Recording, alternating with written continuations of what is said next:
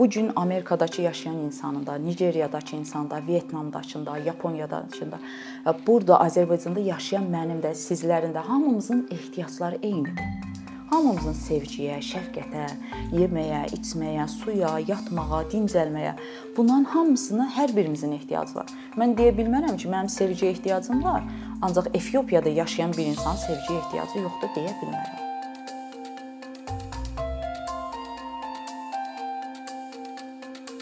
Mahatma Gandhi bir çoxumuzun tanıdığı ölkəsindəki müharibəni sülh yolu ilə e, həll etmiş yeganə liderlərdən birisidir. Bir gün nəvəsi onun yanına gəlir və deyir ki, baba, şiddətsizlik nə deməkdir? Babası isə ona deyir ki, mən bunu sənə bu gün izah etməyəcəm, ancaq sənə bir tapşırıq verəcəm. Sən bu tapşırığı et, bir həftə sonra yanıma gəl. Və ona deyir ki, bir vərəq götür, o vərəqi 2 yerə böl, bir tərəfə fiziki şiddət olan şeyləri yaz, bir tərəfə isə passiv şiddət.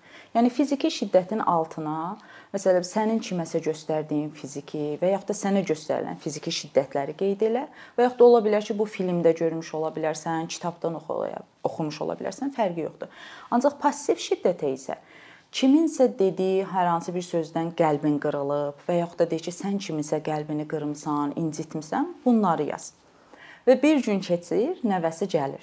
Deyir ki, baba, mən sol tərəfə çox az şey tapdım, amma sağ tərəf demək olar ki, doldu. Və orada babası ona deyir ki, şiddətsizlik bizim daxilimizdə başlayan bir prosesdir.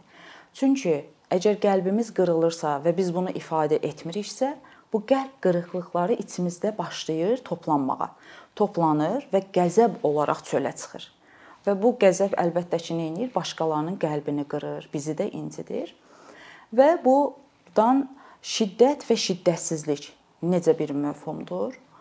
Bura toxunmaq istəyirəm. Ümumiyyətlə şiddət nə deməkdir? Şiddətsizlik tam anlamaq üçün şiddəti dərk etməliyik. Yəni şiddət deyilən şey nədir? Bu gün məsələn bullying termini çox istifadə olunur.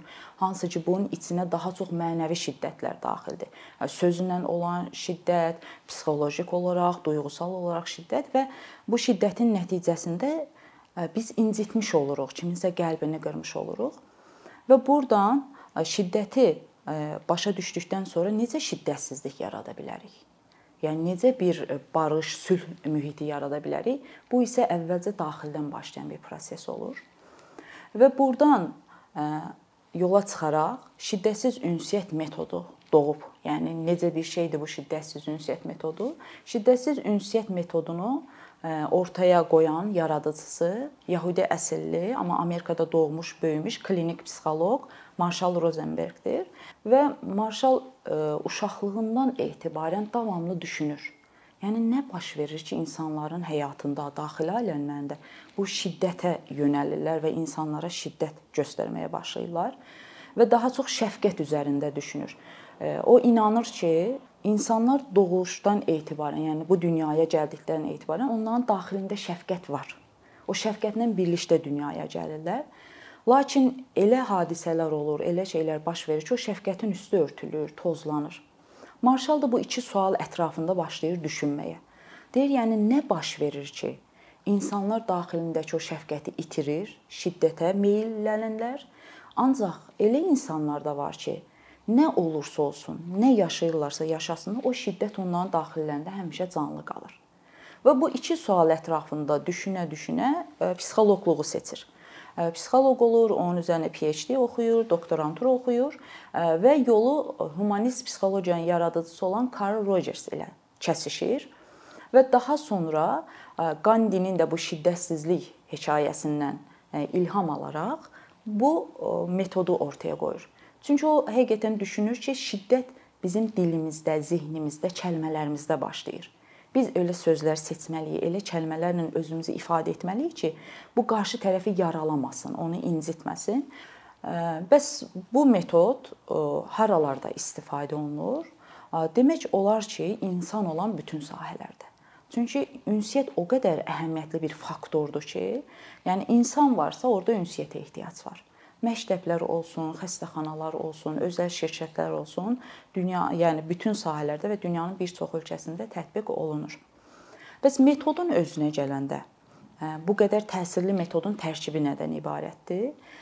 Bunun biz təlimlərdə keçəndə çox sadə gəlir. Mənim özümə də çox sadə gəlmişdi. Hətta 4 mərhələdir, bunu edəcəm və şiddətsiz ünsiyyət metodu ilə danışacağam.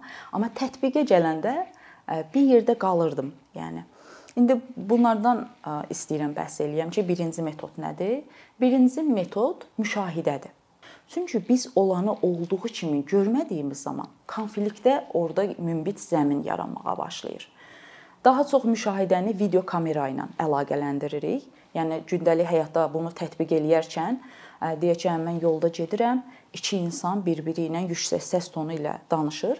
Əgər mən orada olanı gör, olduğu kimi görməsəm, başlayıram onları mühakimə eləməyə. Bunlar necə də etik qaydalara uymurlar, küçənin ortasında səslərini atıblar bir-birinə.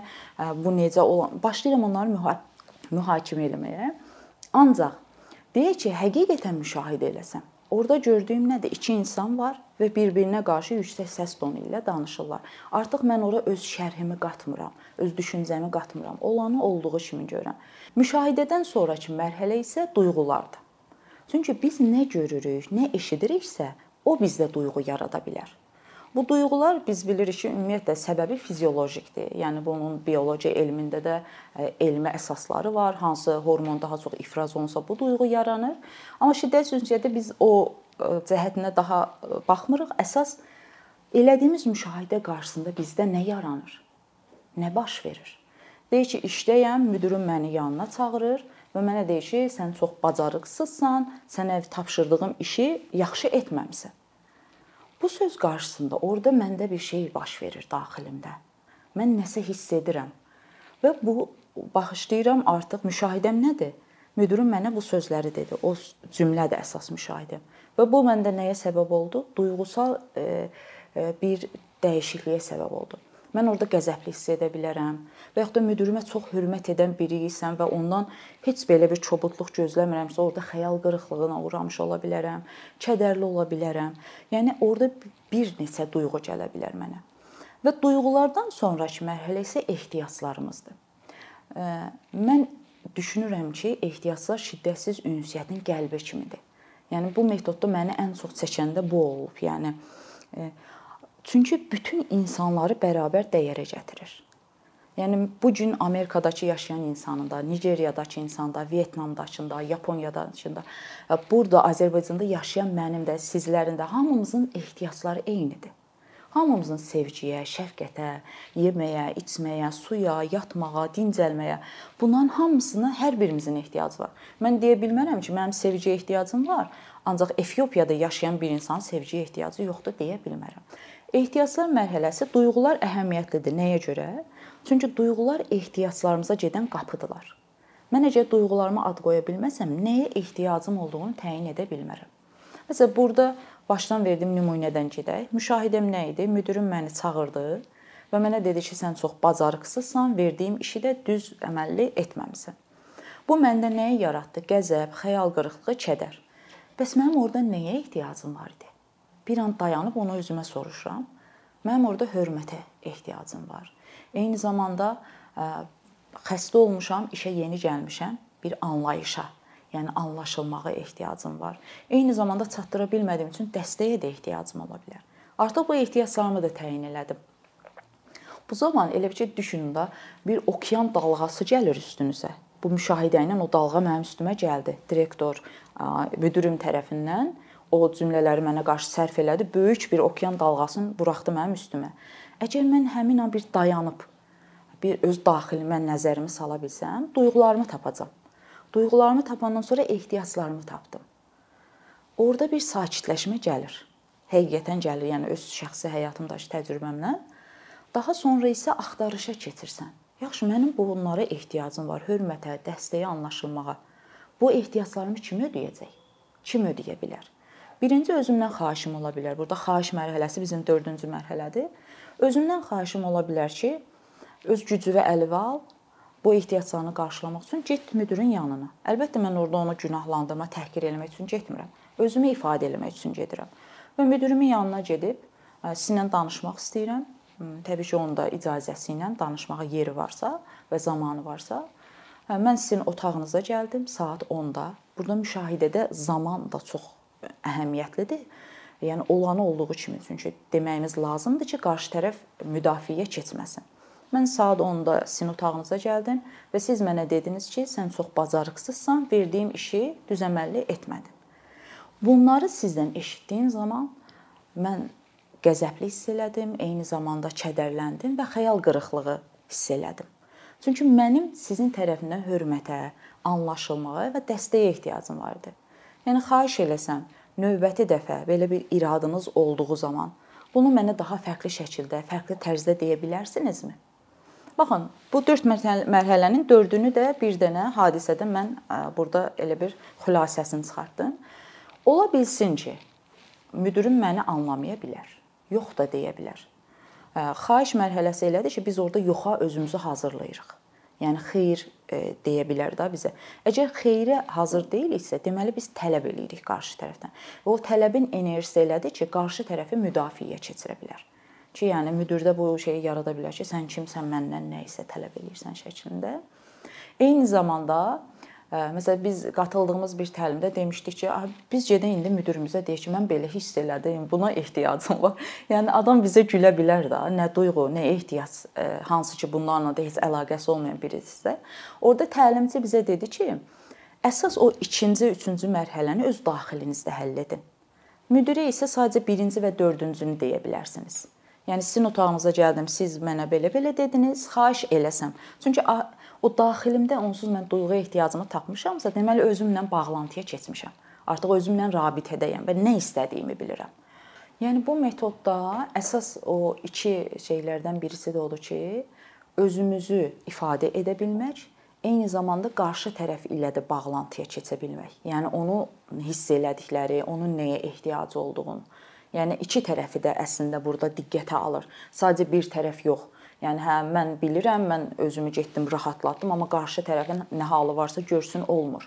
Burada elə bir əsas hə mən nə hiss edirəm, mənim nəyə ehtiyacım var, qarşı tərəf nə hiss edir, onun nəyə ehtiyacı var.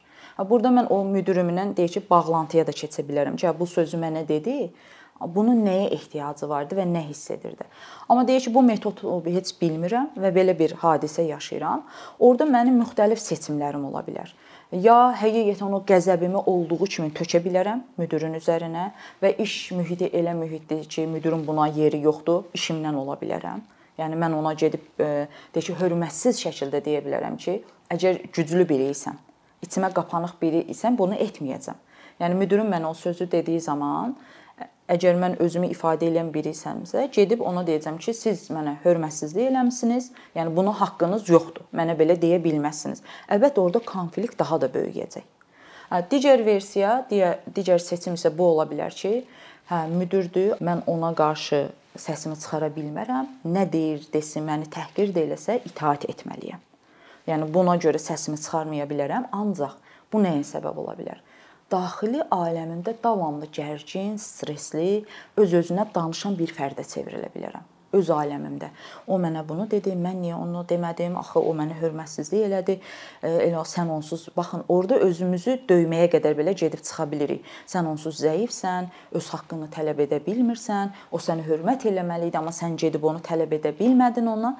Baxın, bu daxildə böyüyən bir ixtişaşa ixtişaşa çevrilir və bu bizim gündəlik həyat enerjimizi də aşağı çəkən bir prosesdir. Yəni mən səhərsi günü işə daha enerjili gedə bilməyəcəm. Enerjili gedə bilmədiyim üçün orada daha səmərəli işləyə bilməyəcəm, effektiv bir məhsul ortaya çıxara bilməyəcəm. Yəni bütün həyatıma təsir edəcək əslində. Məsələn deyək ki, şiddətsiz ünsiyyətdən əvvəl məndə məsələn tənqid, mühakimə daha çox idi. Deyək ki, hər hansı bir insan səhv edir, onu səhvinə görə tənqid eləmək, mühakimə eləmək. Ancaq şiddətsiz ünsiyyətdən sonra insanda fərqli bir anlayış inkişaf eləməyə başlayır. Bu insan nəsə edirsə, hansısa ehtiyacını qarşılamaq üçün edir. Əlbəttə, tamamilə mühakimə, tənqid getmir həyatımdan. Çünki elə bir cəmiyyətdə böyümüşəm, mühakimə edilərək, tənqid edilərək və bildiyim ən yaxşı şeylərdir onlar, metodlardır. Və bu gün də istifadə edirəm.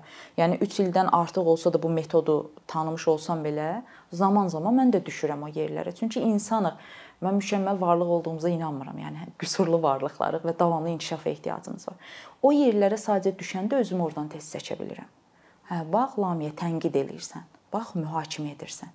O davranışı kənara qoy, o insanın öz şəxsi tarixini deyək ki, merak eləməyə başla. Onun üçün maraq yaransın səndə.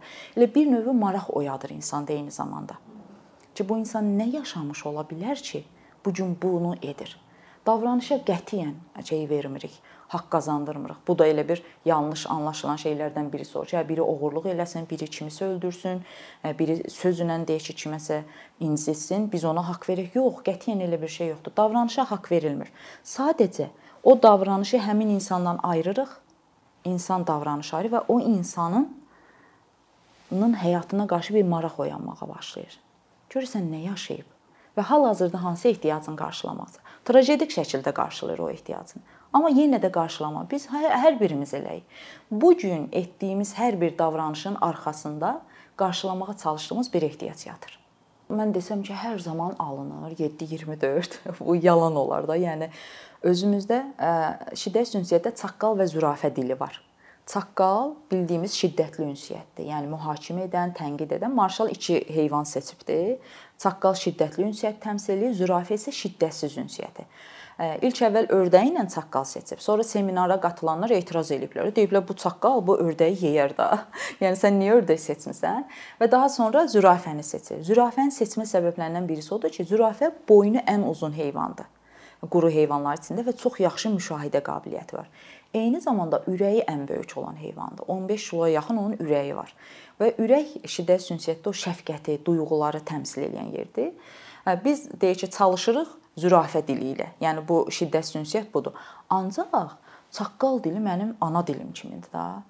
Düşünün ki, mən 32 yaşına qədər çaqqal dilində danışmışam və 32 yaşımdan sonra istəyirəm zürafə dilində danışım. Hansı ki, Azərbaycan dilində danışıram doğulduğum andan indiyə qədər. Və bu gün qərar verirəm ki, mən italyan dilində danışacağam. Əlbəttə ki, bir günə bunu danışa bilmərəm axı. Yəni əvvəlcə bunun bir təlimini almalıyam, o prosesdən keçməliyəm, praktik eləməliyəm. Şiddət sünsiyyətdə eyni onun kimi. Yəni əvvəlcə burada biz bu dili praktika eləməklə və istifadə eləməyə başlayırıq yavaş-yavaş. Ancaq həyatda elə məqamlar olur ki, o tətikləndiyimiz e, dediyim məqamlar ki olur, hansı ki bizim sadəcə bugünkü yetişkin halımızla əlaqəli deyil, keçmişdən nələrsə gətirmişik. E, mənim ilk təlim aldığım və hələ də davam elədiyim təlimçilərdən Dəniz Spatar var. O onun bu metaforu çox xoşuma gəlmişdi. Deyir ki, hər birimizin bir çamadanı var. Keçmişdən yığmışıq da hər şeyi, travmaları və ağzını bağlamışıq. Birisi bizə bir söz, bir davranış, hansı ki tetikləyən bir şey elədiyi zaman o çamadan açılır və tökülür. Həmin anda şiddətsiz ünsiyyət 4 mərhələ. Bunlar ağla gəlmir onsuz. Başlayırıq çaqqal dilində danışmağa. Əlbəttə ki, bunu fərq elədiyimiz anda bərpa eləməyə çalışırıq deyək ki, qarşı tərəflə. Ancaq hər zaman tətbiq eləmək olurmu şiddətsiz ünsiyyəti? Mən desəm ki, hə, həyatımın hər anında eləyirəm. Yəni özümü də aldatmış olaram. O çaqqal yerinə düşdüyümü fərq eləyirəm ən azından. Yəni o o belə düşünürəm ki, müəyyən mərhələdir, yəni ki, onu qət eləmişəm. Hə, fərq eləyirəm ki, hal-hazırda mən çaqqal dilində danışıram. Mühakimə eləyirəm, tənqid eləyirəm, qarşı tərəfi günahlandırıram və ya da onu incidirəm.